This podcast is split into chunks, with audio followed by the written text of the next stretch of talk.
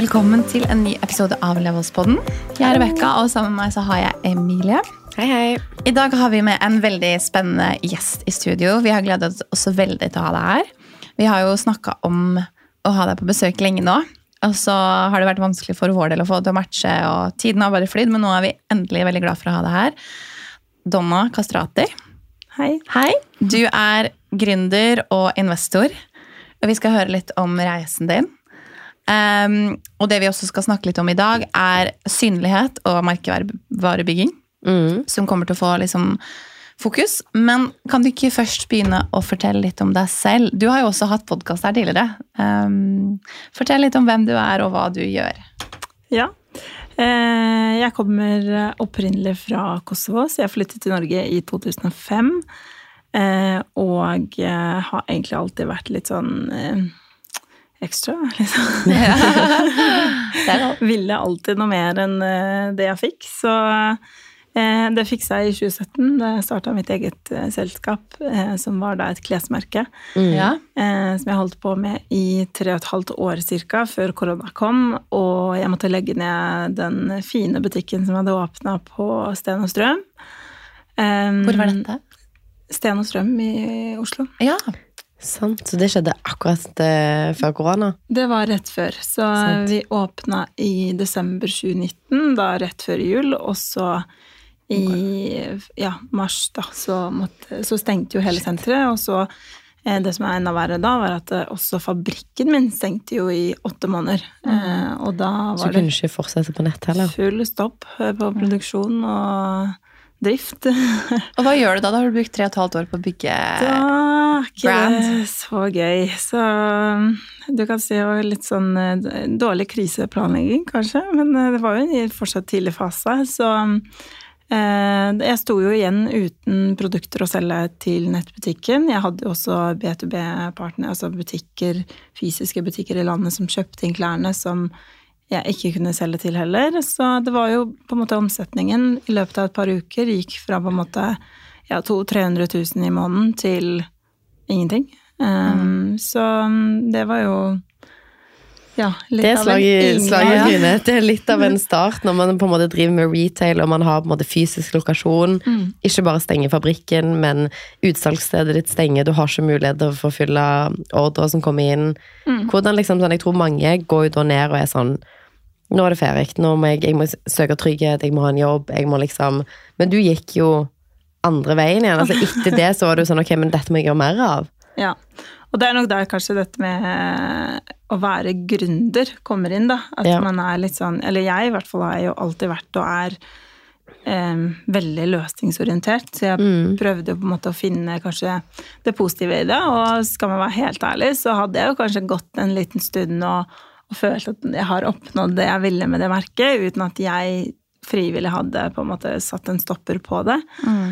Eh, Så det var jo litt sånn Det var jo kjedelig, og det var jo veldig eh, mye jobb å prøve å dekke alle kostnader og, og betale alle leverandører.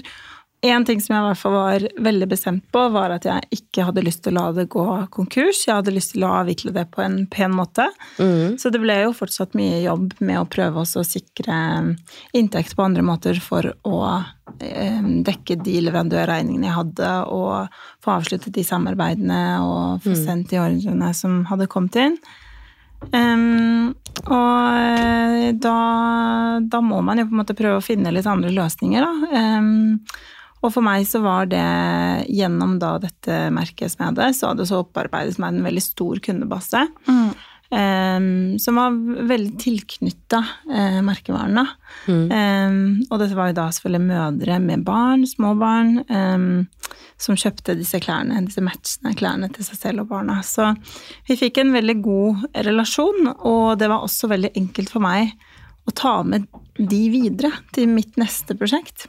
Men det er kult at du tenkte sånn med en gang. Ja, det er kult. Fordi det er ganske unikt. Ja, det, jeg tror ikke alle tenker det nødvendigvis. Nei, det var et community, og det, jeg brukte jo ekstremt mye tid på Instagram eh, og på å bygge merkevaren på sosiale medier, og alle salgene mine kom jo gjennom Instagram. Så det var jo Jeg hadde en veldig stor interesse, Ja. og kanskje talent for det også. Eh. Som jeg tenkte, det, det må jeg bruke. Ikke sant? Så du hadde jo bygget over 15 000 følgere på den kontoen. Eh, 99% norske, så det var jo på en måte eh, måtte jo tenke. Så jeg brukte egentlig den kontoen til å på en måte fortelle og være helt åpen om det som skjer. Eh, og at jeg nå ønsket å starte noe nytt og noe, noe annet. Og jeg syntes det var veldig hyggelig hvis folk hadde lyst til å enten følge med videre eller kanskje teste ut da, det nye. Og det gjorde de, så vi startet eh, da Equal Agency i 2020. Eh, som var et eh, gründernettverk. Um, og holdt på med det i ja, tre, to-tre år. Frem til i fjor, i hvert fall.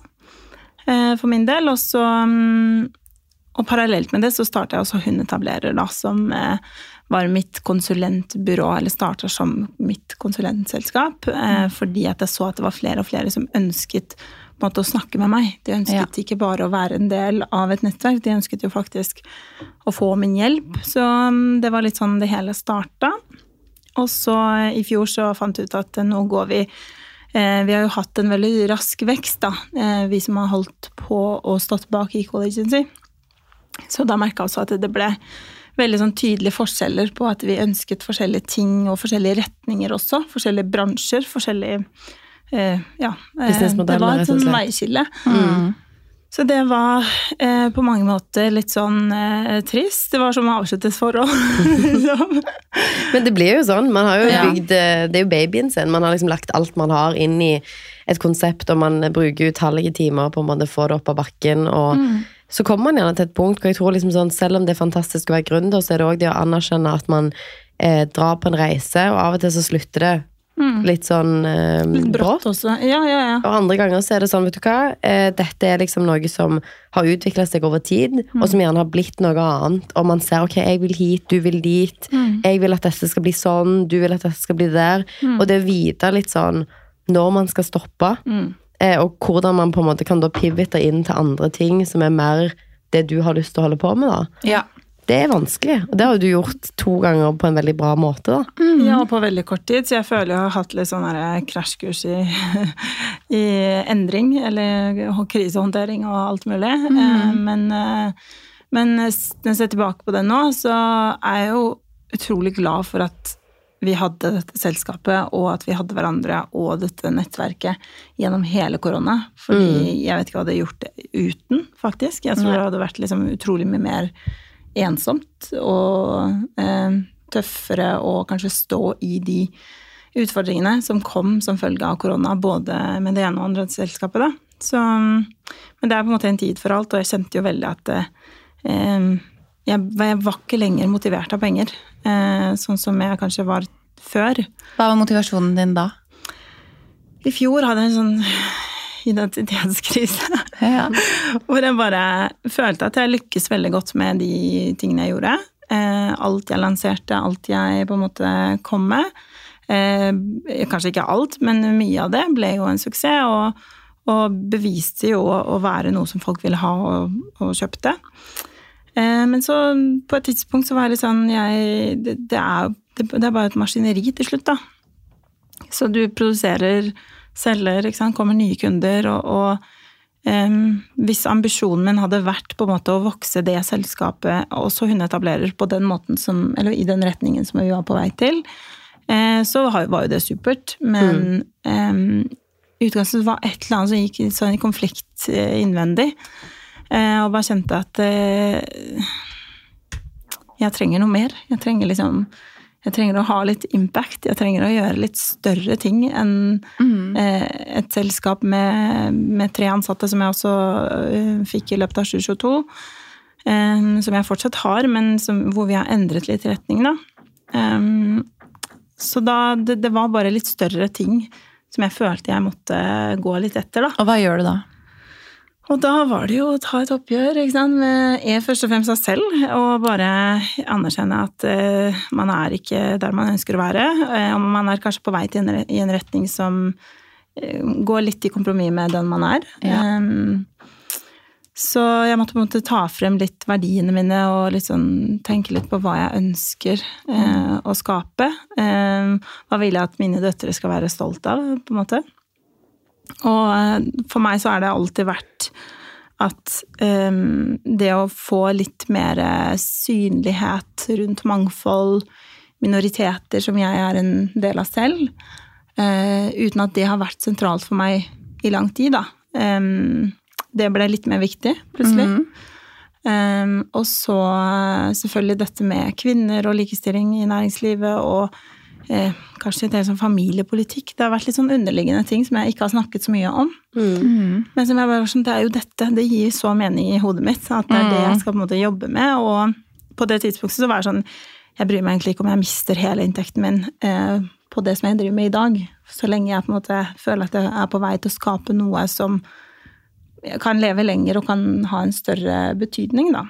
Ja, Det er interessant det der at motivasjonen var først å tjene penger, og så trenger man noen som kanskje stikker litt dypere. Ja. Det er jo ting jeg og Emilie har snakket om, at vi syns det er veldig gøy å jobbe og tjene penger og alt det der, men gjøre den endringen eller ha noe å si som er mm. viktig, er, betyr så mye mer. Ha en litt større motivasjon, ja, bak eh. Ja, at man, det, man, kommer til et punkt hvor man er sånn, ok, selvfølgelig er man motivert kanskje i utgangspunktet av penger fordi man skal mm. overleve, man har faste kostnader, og alt det der. Du må ha en viss Du må ha det. Ja, ja, ja. Men når man har fått det dekka, mm. så føler jeg òg at sånn, det krever veldig mye å si at ok, dette er en bedrift som går kjempebra, vi kan mm. kjøre dette tracket her på full speed og bare mm doble omsetningen vår og få det til. Men hvis ikke det lenger er det som gir deg driven, mm. så er det faktisk dyrere for deg sjøl. Fordi at man er liksom full på vei, full speed mot noe som man egentlig ikke har lyst til å ende opp med. Jeg tror hvis du er gründer, kjenner man seg igjen i det, og veldig mange klarer ikke å stoppe, trykke på stopp og være sånn reset, hva vil jeg? Men for folk som jobber i et stort selskap, kanskje, og er fast ansatt, at det øyeblikket du føler 'jeg har ikke lyst til å være sjefen min', 'jeg har ikke lyst til å være sjefen til sjefen min', dette er liksom ikke Jeg er på vei raskt i en retning hvor jeg egentlig Hvor hovedendestoppet, skulle jeg si, er et sted jeg egentlig ikke har lyst å dra. Mm. Og da å ta et oppgjør med seg sjøl, sånn som du gjorde mm. Det er én ting å si 'ok, men jeg bytter jobb', eller jeg liksom Men når man har et eget selskap, det er så mye som ligger i det. Det er så mye av de der timene som man tenker men herregud, de får jeg jo aldri tilbake igjen. Det å vite at sånn, ok, men det er ikke det som er det viktigste. Det viktigste er at sånn Hva er det jeg på en måte sitter igjen med? Hva er det folk husker meg etter? Hva er de tingene du kan snakke på inn- og utpust om som er viktige for deg, da? Um, og på en måte få spillerom til å utvikle noe som er i henhold til verdiene sine, kontra liksom kanskje et salgsmål eller noe annet, da. Mm. Altså, da, det var da du kom med hundeetablerer? Var det da det liksom gira opp? Det var da det var sånn dette um, Jeg syns du får sagt det veldig godt, fordi er, det er jo en ganske god posisjon å være når man allerede har bevist å lykkes med selskapet, og det går i riktig retning, og man vokser, og man på en måte Alt er uh, tipp topp. Og da på en måte kunne klare å, å å trekke seg litt tilbake og tenke på disse tingene. Det, jeg følte meg ganske privilegert som har muligheten til det. ikke sant? Mm. For det kunne jo vært en mye verre situasjon egentlig i utgangspunktet. Mm. Um, men eh, ja, det var jo litt Hun etablerer er jo og var selskapet mitt eh, hele veien. Men det var kanskje mer hvilken retning skulle hun etablerer også gå, da. Mm. Og tilfeldig så kom jeg over en sånn uh, konkurranse av TrippelTex hvor Stemmer. de Eh, ønsket å kåre årets vekstbedrift. og da hadde det ligget ganske lenge sant, og kokt den her ideen om at det må bli noe mer, det må bli noe større, men det hadde aldri satt meg egentlig ordentlig ned med det. Eh, og i og med at det var en pengepremie, så er det jo alltid litt sånn søknadsprosesser som er lange, og du må liksom virkelig eh, skrive godt for å klare å på en måte i det hele tatt være med. Um, så da var det egentlig en veldig bra ting, for det tvang meg litt sånn til å sette meg ned og skrive i den søknaden, da. Og konkretisere kanskje det jeg hadde tenkt med hundeetablerer på en ny Altså Trekk det ned på papiret? Ja, rett og slett lage en forretningsplan der. Um, så da, mens jeg skrev også, så jeg merket jeg liksom mer og mer gira. Sånn, mm. Alt bare falt litt sånn på plass. Det er så gøy, det. Og da husker jeg tenkte bare sånn altså Uansett om jeg vinner eller ikke, spiller egentlig ingen rolle, for det her skal skje. Mm. Det her, og det er jo da eh, hun etablerer ressursprogrammet. Det er jo da denne her plattformen hvor skal ta mye av det arbeidet jeg har gjort selv, med å starte kvinnelige gründerselskap og hjelpe de eh, både alt ifra etablering, komme i gang, til å kanskje konseptutvikling, til vekst, til eh, ja, alt mulig innenfor det. Eh, og gjøre det litt mer digitalt og litt mer automatisert, da.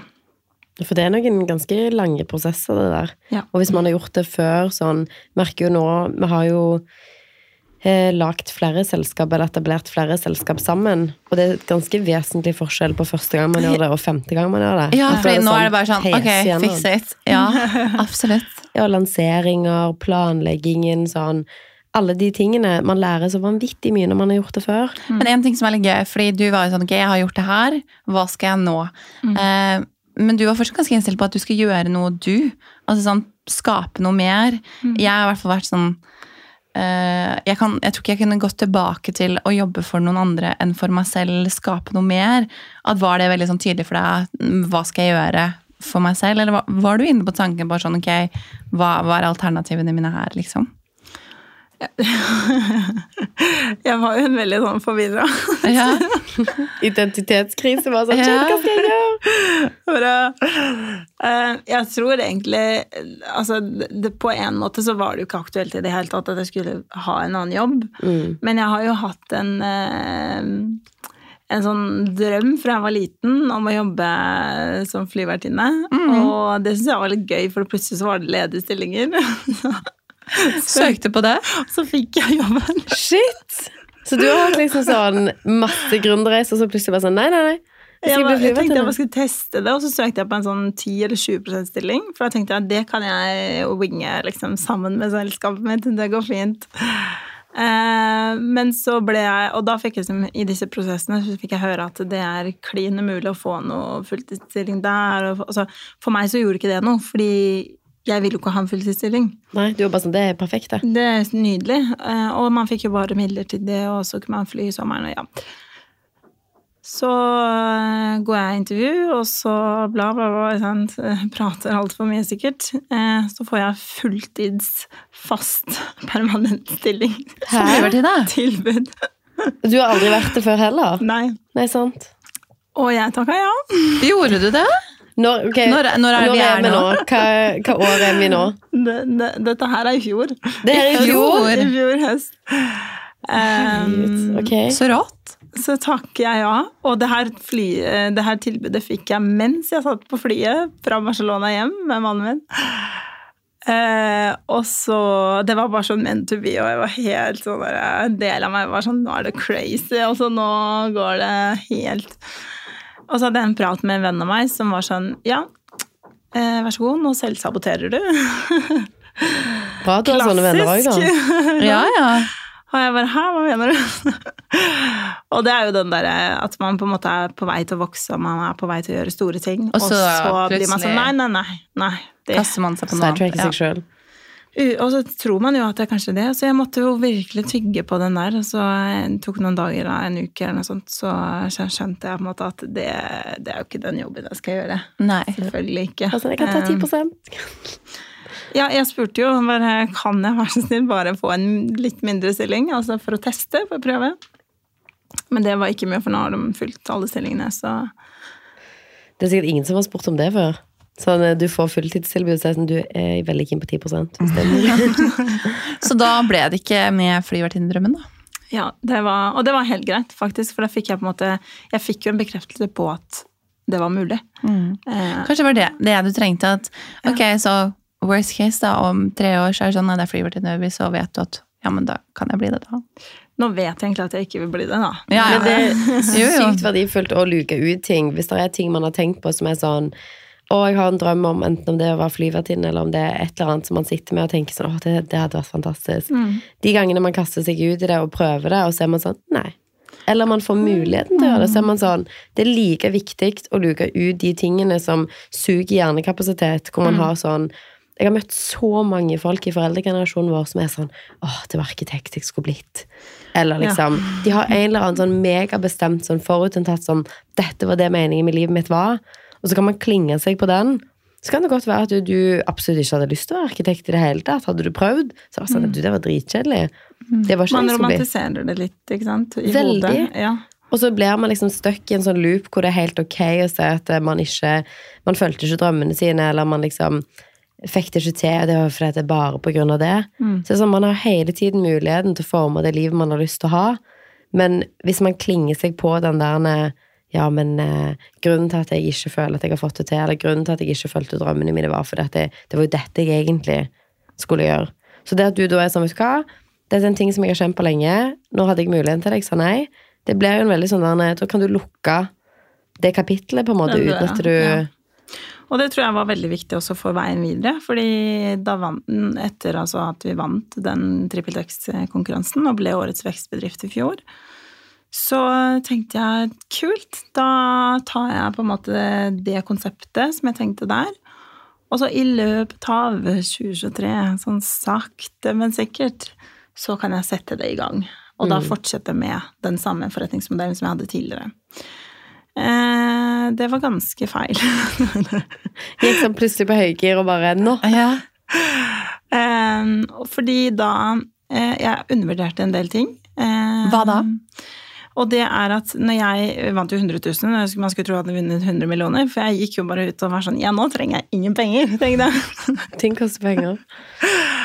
Så jeg eh, hadde full fokus på å finne et team. Eh, og da plukka meg egentlig bare ut mennesker som jeg så var flinke på det de gjorde med, eh, det de holdt på med, og som jeg tenkte var veldig veldig relevant til denne plattformen. Mm. Um, noen av de fra mitt eget nettverk og spurte de direkte, egentlig. Og mens andre på en måte sendte bare en henvendelse hvor jeg var sånn Vi har aldri snakket sammen, men jeg tror du kan passe veldig godt til det her. Um, og det var blant annet Iman Meskini og uh, Ingeborg og, og flere av de som nå er med. Uh, hvor jeg bare var sånn jeg, jeg må ha dere med. Så kult, da. Enkelt og greit. Og det er gøy at man bare Ok, target noe man ser opp til eller Så har da, bra Ja, virkelig. Og så tok en del kaffekopper. Og på et tidspunkt så var det sånn hvis jeg får én kaffe til nå, så ramler det for meg. Ja, det var var sånn vi møttes, vi tok kaffe. Ja, det ja, ja. Og det, var- det har vært så mye kaffekopper i den perioden, så jeg, Men det er kjempeviktig. Det er Man skal viktig. det. jeg måtte slutte med koffein. Ja. Faktisk. Ja, det er ikke tull. Shit. Og så Det jeg undervurderte da, var at når jeg satte sammen en, en sånn gruppe på tolv mennesker med meg, eh, hvilken effekt det har for et selskap. Eh, selv om det er helt nytt. For det, vi startet jo da et eh, datterselskap under Hundeetablerer som heter Her. Mm. hvor alle på en måte kommer inn og, og er eiere og har en rolle. Og så har jeg vært veldig sånn em, Det er ikke så viktig hvor mye dere investerer. Det er ikke så viktig for meg. Det er fint hvis dere på en måte tror, tror såpass på det at dere ønsker å investere mer. Men det viktigste for meg er at dere er med, og at dere på en måte bidrar.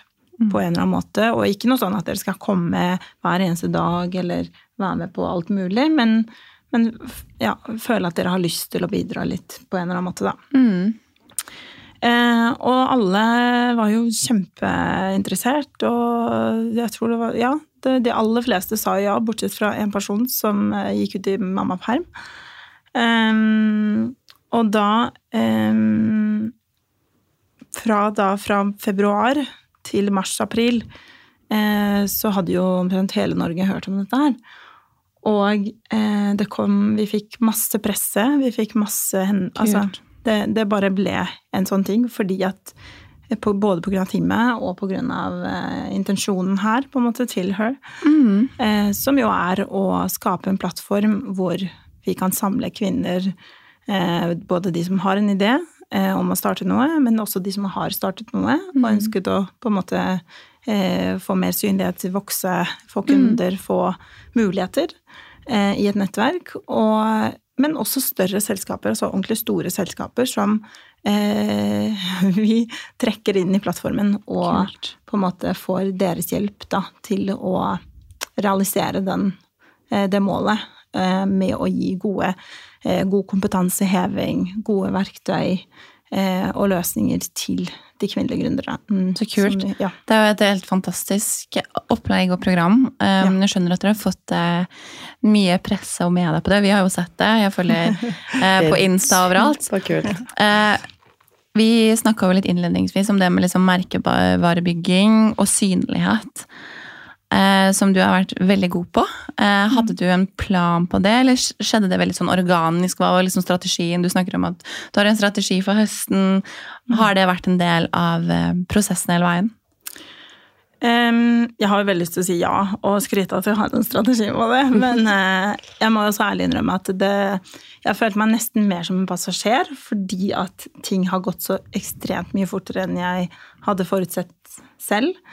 Um, men jeg har jo selvfølgelig brukt de grunnleggende strategiene som jeg alltid bruker i forbindelse med oppstart og lansering. Mm. Um, og det jeg syns er veldig unikt og kult her, er at vi har spisskompetanse innen alle felt eh, ja. i Her. Vi har alt ifra på en måte markedsføring og sosiale medieansvarlig til advokat til eh, lege.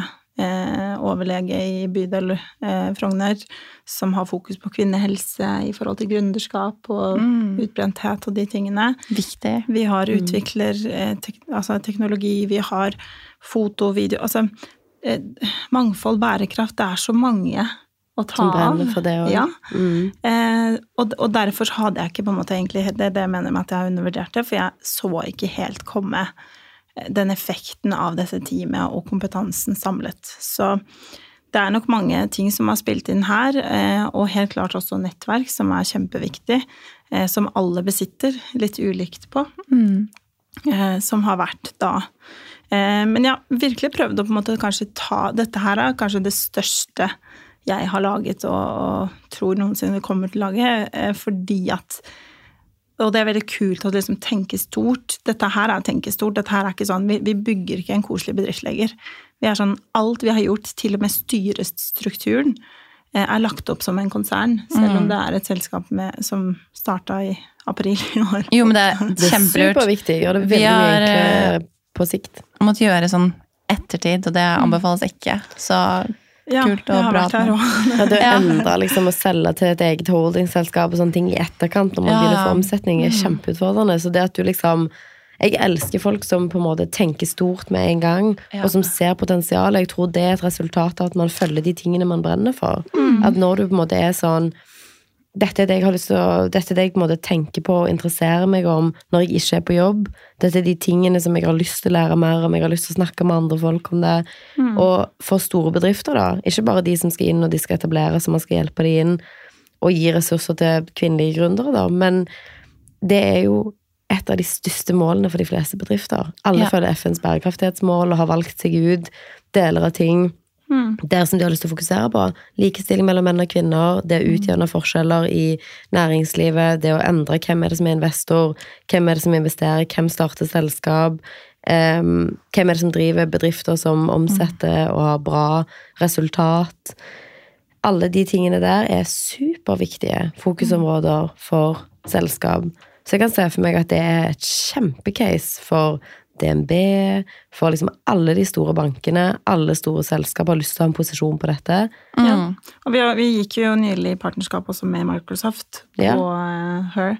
Så det er veldig veldig kult. Så Superkult! Herregud, gratulerer! Ja, det fortjener litt applaus og, og det er, ros. er kult. Og så at det har gått så fort. Ja, ja, virkelig. Og det er også makten av nettverk. Vi hadde jo ikke kommet inn der hvis ikke det var for at noen hadde jobbet med de før og kjente på en måte hadde kontakt og satte opp det første møtet for å i det hele tatt åpne muligheten mm. eh, for å få presentert her, da. Mm. Eh, så det er veldig kult. Og vi har snakket mye om dette med at det fins jo Det er jo noe som heter Women in Tech, men vi har lyst til å få tech in women, sånn at vi kan liksom sammen med Microsoft implementere altså litt mer teknologi i egentlig alle mulige forretningsmodeller. Ja. Som kanskje kvinner spesielt kan jo drive med mye sånn hobbyvirksomhet og fysisk um, produkttjeneste. Mm. Um, og, og, hvordan på en måte kan man skalere, vokse mer ved å bruke teknologi.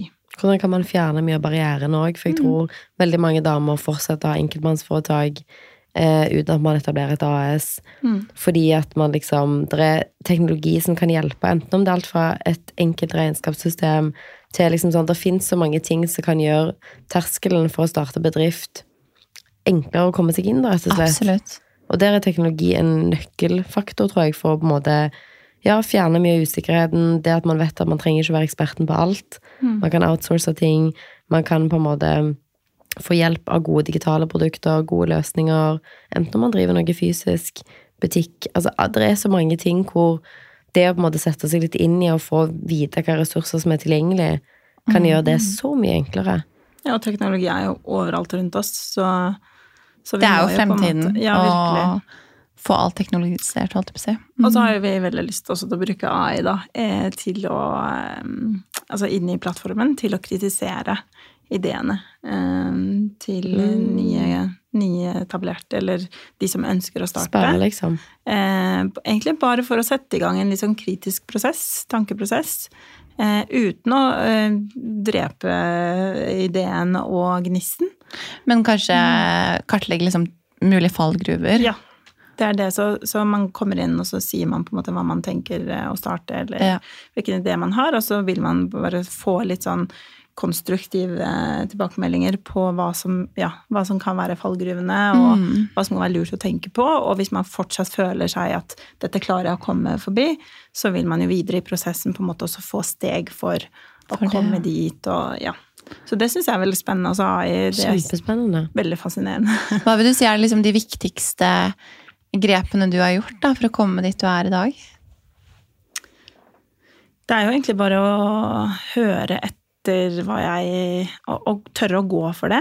Eh, Ja, for du har jo også tørt å satse. ja. Tross um, det som skjedde med korona og risiko, så gikk du jo liksom videre. Det stoppa deg jo ikke. Nei. Det var en ja, liten Så- sånn tur innom eh, potensiell flyvertinne her, men Ja. det endra seg fort, da. Ja, det gjorde det. Og det, det tror jeg på en måte Jeg tror alltid at disse tingene er jo en del av prosessen. Em, og det å tørre å, ja, å ta de stegene og tørre å trekke seg ut av ting også, det er Ja. jo kjempe En ting er å tørre å gjøre noe du har lyst til, men det å faktisk trekke seg eller Enten det er å si opp en jobb, eller si opp Ja. eh, på en måte, eller gå ut av et selskap, eller avslutte et selskap, eller hva det måtte være, um, så er det like krevende som å som å tørre å gjøre noe helt nytt, da. Det er et veldig godt poeng, for jeg tror det kan nok vi lære litt. At vi går nok inn i mye, og så nå har vi liksom vært litt så flinke til ok, nå skal vi ta et steg tilbake, og liksom ikke det her skal være fokusområden, og så satser man kanskje ikke på den ene ideen der, men vi fokuserer mer på den, og liksom tørre å trekke seg ut før ting går feil eller for langt, eller ja, se begrensning noen steder, da. Mm. Snakker mye om liksom sånn I slutten av en dag eller i slutten av et år eller liksom i slutten av på en måte et prosjekt, hva ting er det som gir oss påfyll? Hva, er vi liksom spredd tynt på ting som vi egentlig ikke brenner for? Ja. At liksom hvis du har ti selskap, da, så elsker du elsker to av de, og du bare sier sånn Dette er det jeg skal gjøre, dette er det som gjør at jeg bare jeg blir inspirert, jeg har lyst til å gjøre mer av det. Og så har man kanskje andre ting som ikke er automatisert, og som er veldig sånn heavy på fysisk arbeid. Man er nødt til å gjøre det, man er nødt til å på en måte drifte det. Så man egentlig er sånn Dette er ikke det. Og det er vanskelig. Jeg tror det er mye vanskeligere å gå ut av ting enn For jeg ble i hvert fall veldig revet Ja. med i en etableringsfase. Jeg bare sånn, å herregud, ja, ja, dette må vi få til. Men det å liksom anerkjenne at sånn, nei, dette var ikke det jeg hadde lyst til. Eller dette er på vei i en retning hvor det sånn, det tar mer enn det gir. Mm. Energimessig. Og det gjør at jeg gjerne mister kapasitet til å gjøre andre ting som er viktig for meg. Sånn at ehm, Men det er jo vanskelig å sette seg ned og bare reflektere på disse tingene og bare Definitivt. Det er kjempevanskelig. Så ofte så skal det nok litt sånn eh, dramatiske ting til, da. Så som for meg i fjor, så var jo kanskje Det skjedde veldig mye på privaten som gjorde at alle disse bedriftstingene, da, de ble så mye mindre enn de i utgangspunktet var i mitt hode. ja. Eh, og da også, sant, så kanskje jeg heller ikke hadde klart å sette meg ned og reflektere egentlig hvis ikke jeg hadde vært gjennom litt andre, litt mer brutale ting, da, som på en måte, ja, eh, gjør at disse tingene blir mye mindre farlige. ja. Men man, man bør jo ikke på en måte måtte vente på det for å få en oppvekker, men av og til så. Men det er, det er jo litt sånn, sånn den erfaringen man gjør i prosessen man går i, som sørger for at eh, man ender der man gjør. Og det er jo en ting vi også snakka om tidligere, at en del av der man er, eh, grunnen til er jo på en måte også prosessen og hvordan man har håndtert situasjoner på veien, både privat, altså sånn at tilfeldighetene noen ganger tar deg litt eh, der man lander, da. Ja. Eh, og at man kanskje må gjennom litt sånn derre awakenings, holdt jeg på å si, og det er det man kanskje får mest ut av, at da blir det veldig tydelig at det man trodde var stort egentlig ikke er så viktig, eller det Altså sånn at man har muligheten til å på en måte ta det til noe lengre, eller noe, noe annet enn det det skal være. Og det er også veldig fint, for du sa det med endring. At um, du gikk gjennom en endring, du måtte ta en endring når du drev eh, klesmerket ditt. Og det er jo en ting som på en måte jeg og Emilie som gründere er, at vi hele tiden er åpne for det. At eh, Du tenkte jo i starten av, eller slutten av 2022, starten av 2023 at det her skulle være en liten ting, og så blåste det seg opp. At man hele tiden er eh, klar over på en måte, å gjøre den omstillingen som selskapet krever av deg. da. Tror du at det, det, har vært en ting som har vært viktig for deg? Fordi For oss har det vært veldig sånn Mitt selskap var ikke det det var når det var kun meg. Nå er det et helt annet selskap med meg og Emilie, og visjonen vår er noe annet. da. Men hvis jeg hadde vært låst i det mindsettet som jeg hadde for tre år siden, så hadde vi ikke sittet her i dag og gjort disse tingene.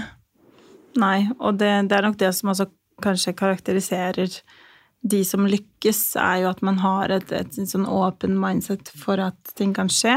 Mm. Og jeg tror sånn generelt så har jeg, jeg har jobbet mye med å, få, med å hjelpe folk i gang, og, og, og, det er sjelden jeg har sett på en måte noe eh, som starter som én ting, fortsette å være det samme to-tre år senere. Så det er kjempeviktig å være åpen for mulighetene, fordi at aktivitet genererer aktivitet. Og være åpen for at det du gjør, kan føre til måte helt andre muligheter og retninger. Og det å være åpen for det Én ting er at man har et mål om at det skal generere en, en viss aktivitet, da, eller en mm. viss vekst eller en viss retning. Men det, kan, det, er så mye mer vi ikke vet, ikke sant. Og det, det har vært litt sånn sentralt for meg nå, og, og virkelig også det å jobbe med elleve ganske eh, ressurssterke, ganske forskjellige eh, personer. Eh, og det å på en måte ha evne til å høre og ta imot de tilbakemeldinger som egentlig kan treffe deg på en helt annen måte. Og de ser jo eh. ting på en helt altså sånn, Kanskje kommer andre innspill som man ikke har tenkt på, fordi ja. det er det med grensingene man har, har, for seg selv. da. Ja, og se på det som en styrke. fordi grunnen til at jeg også hentet inn alle disse menneskene, var jo fordi at jeg måtte sette meg ned og bare sånn Ok, hva er jeg god på? Det er liksom én, to, tre hva er det jeg suger på? Ja. 300 ting. Finn de folka, på en måte. Ja. Men det tror jeg er det beste tipset for å starte en bedrift. Fordi det å anerkjenne at de tingene som kommer megalett for deg, eh, det er gjerne de vanskeligste tingene for noen andre. Og de mm. tingene du kvier deg til. Sånn gruer deg til, sånn, om det er liksom eh, moms, eller om det er liksom et eller annet med skatt eller regnskap, eller hva enn det skal være, eller om det er fylling ut av skjema altså sånn, Hva enn det skal være, den tingen du gruer deg kjempe til. er Folk sier men det er jo kjempelett. Mm. Det kan jeg gjøre på Det å finne folk som gir noe annet inn i miksen enn det du kommer med sjøl, eller som har et annet perspektiv, tror jeg er en av nøklene til å lykkes, virkelig. Fordi at man kan være veldig like, men man må på en måte hente energi og være gode på litt ulike ting òg for at man skal få den dynamikken man trenger, kanskje, for å skape noe som har det vekstpotensialet som Her har, da. Mm. At da trenger man på en måte andre talenter å spille på som kan andre ting. Ja, hvis man tenker på en måte litt stort, eh, og tenker at veldig mye av den kompetansen man selv ikke har, er jo gjerne det man på en måte må ende opp med å leie inn eller kjøpe inn. Eh, av tjenester og produkter. Så hvis man på en måte klarer å finne ja, investorer eller co-founders da, som, mm. som, har og besitter disse egenskapene og, og, erfaringen og sånne ting, så er jo det en superstor fordel. Og det, det er det jeg mener med at jeg har undervurdert, for jeg har ikke vært i en lignende situasjon hvor på en måte folk kan så innmari mye, og det er så mange mennesker. Ja. Eh, og det tilknytter så mye nettverk hele tiden, og det Kult. Så eh, jeg er eh, veldig ydmyk, og, og, kjenner på en måte også at eh, nå har vi vært så heldige å liksom sittet i rom med store selskaper med utrolig flinke folk, hvor jeg på en måte nesten blir sånn på gråten hver gang jeg sitter og hører noen ja. prate for noe de brenner skikkelig for, og Fint. de har så mye kunnskap, og det, det er liksom sånn next level eh, ja. Det er sykt Jeg elsker når man liksom ser at noen bare er sånn Det bare lyser opp i, ja. i dem, på en måte. sånn, Hva enn det kan være. altså Det kan være hvilket som helst tema. Men jeg tror finner man sånne folk som på en måte brenner for de tingene som man jobber med, så er det så mye enklere å engasjere folk òg. Mm. For det handler om at sånn at du starter dette med et genuint ønske om å gjøre noe annet, legge til noe som du følte ikke var i markedsplassen, og noe som lå dine verdier og ditt hjerte nært. Og når man gjør det, så snakker man fra et sted hvor man er i sånn man, Det er lidenskap, liksom. Og det er veldig tydelig når folk snakker om noe de er lidenskapelig opptatt av. Og da trekker man til seg helt andre folk. Og jeg tror liksom sånn, selv om ikke alle som hører på dette, er sånn Nå skal jeg starte et selskap som er verdt eh, x millioner. Mm. Så er det det der med at de gangene man klarer å mobilisere folk, er når man går etter de tingene som er hjertenært. Mm. Når man har lidenskap bak ting, mm. så kan du få med deg hvem som helst på hva som helst, tror jeg. For man blir i en helt annet gir når det kommer til liksom sånn å mobilisere folk og få folk med, få med folk på teamet, ja. få med co-founders. Når man snakker om noe som man er lidenskapelig opptatt av, så er man liksom litt på et annet plan, da. Jeg tror man trekker til seg andre ressurser. Man kan eh, eh, hente penger mye enklere, man kan bygge et team mye enklere, man kan få inn kunder på en annen måte. Så jeg tror det er liksom elementært i liksom Om det er snakk om å få folk med på et prosjekt du gjør på privaten, eller om du skal bygge stor bedrift, så føler jeg liksom sånn Følger man det man er lidenskapelig opptatt av, så er veldig mye gjort. Ja. Mm. Donna, du har jo en utrolig spennende reise. Det er sykt gøy å høre på, og sykt spennende å se hva du har fått til, og ikke minst hva du kommer til å få til. Vi er jo bare halvveis inn i 2023, så du har jo gode forutsetninger for at det her fortsetter å, å vokse og gå bra. Og det er veldig gøy, og vi er jo også veldig på kvinnelige gründere, og det er jo derfor vi syns det var superstas at du kom hit og fortalte litt om det. Og vi anbefaler jo alle at de sjekker ut eh, både deg og alt du holder på med, og vi kan linke til det på Spotify-episoden, sånn at det er lett for folk å finne på Insta. Men eh, før vi runder opp her i dag, så har vi alltid et spørsmål til gjestene våre, og det er liksom What's next level? Hva er din neste level up, på en måte? Eh, hvor ser vi deg? Hvor skal du videre? Ja Nei, vi har jo en ganske travel høst i eh, vente med lansering av Her-plattformen og programmet og alle de ulike fasene som eh, jobbes med nå. Um, så jeg føler jo at det, dette her er så next level for meg som eh, det har kunnet bli. Uh, Men jeg hadde også Vi har jo fått inn en utrolig dyktig styreleder, det må jeg bare si, um, som heter Camilla Andersen, uh, som jobber mye med uh, investeringer og, og, får kvinner også til å investere. Mm. Og sammen med henne da så har vi jo allerede, til tross for at plattformen ikke er lansert, så har vi allerede tilknyttet oss nettverk i Sverige for å ta plattformen videre så der kult, fra og med kanskje allerede i år eller neste år. Så Ah, så, så det, er, det er veldig gøy. Eh, det må vi applaudere for. Her International, det er altså ja, neste steg. Her International. Så apropos det å liksom bøye seg rundt og bare være med på, på, det som kommer av muligheter, så det tror jeg blir veldig, veldig kult. Og, um, ja. ja. Det gleder vi oss til å følge og se mer av. Det er døds, dødsrått. Jeg føler vi kunne lagt 1000 episoder, og vi må ha en oppfølgingsepisode for hva som ja. kommer til å skje. For det er yes. superspennende å følge reisen, og veldig, veldig bra jobba. Det her er bare begynnelsen. Tusen takk for at du kom og delte med oss. Takk for at dere kom. Med, Og dere har en fantastisk podkast. Jeg, si. jeg hører på alt. Og det er veldig hyggelig. Og jeg gleder meg til å høre videre. Så bra. Tusen takk. Da snakkes vi, og vi kommer tilbake neste onsdag med en ny episode. Det gjør vi. Ha det. Ha det.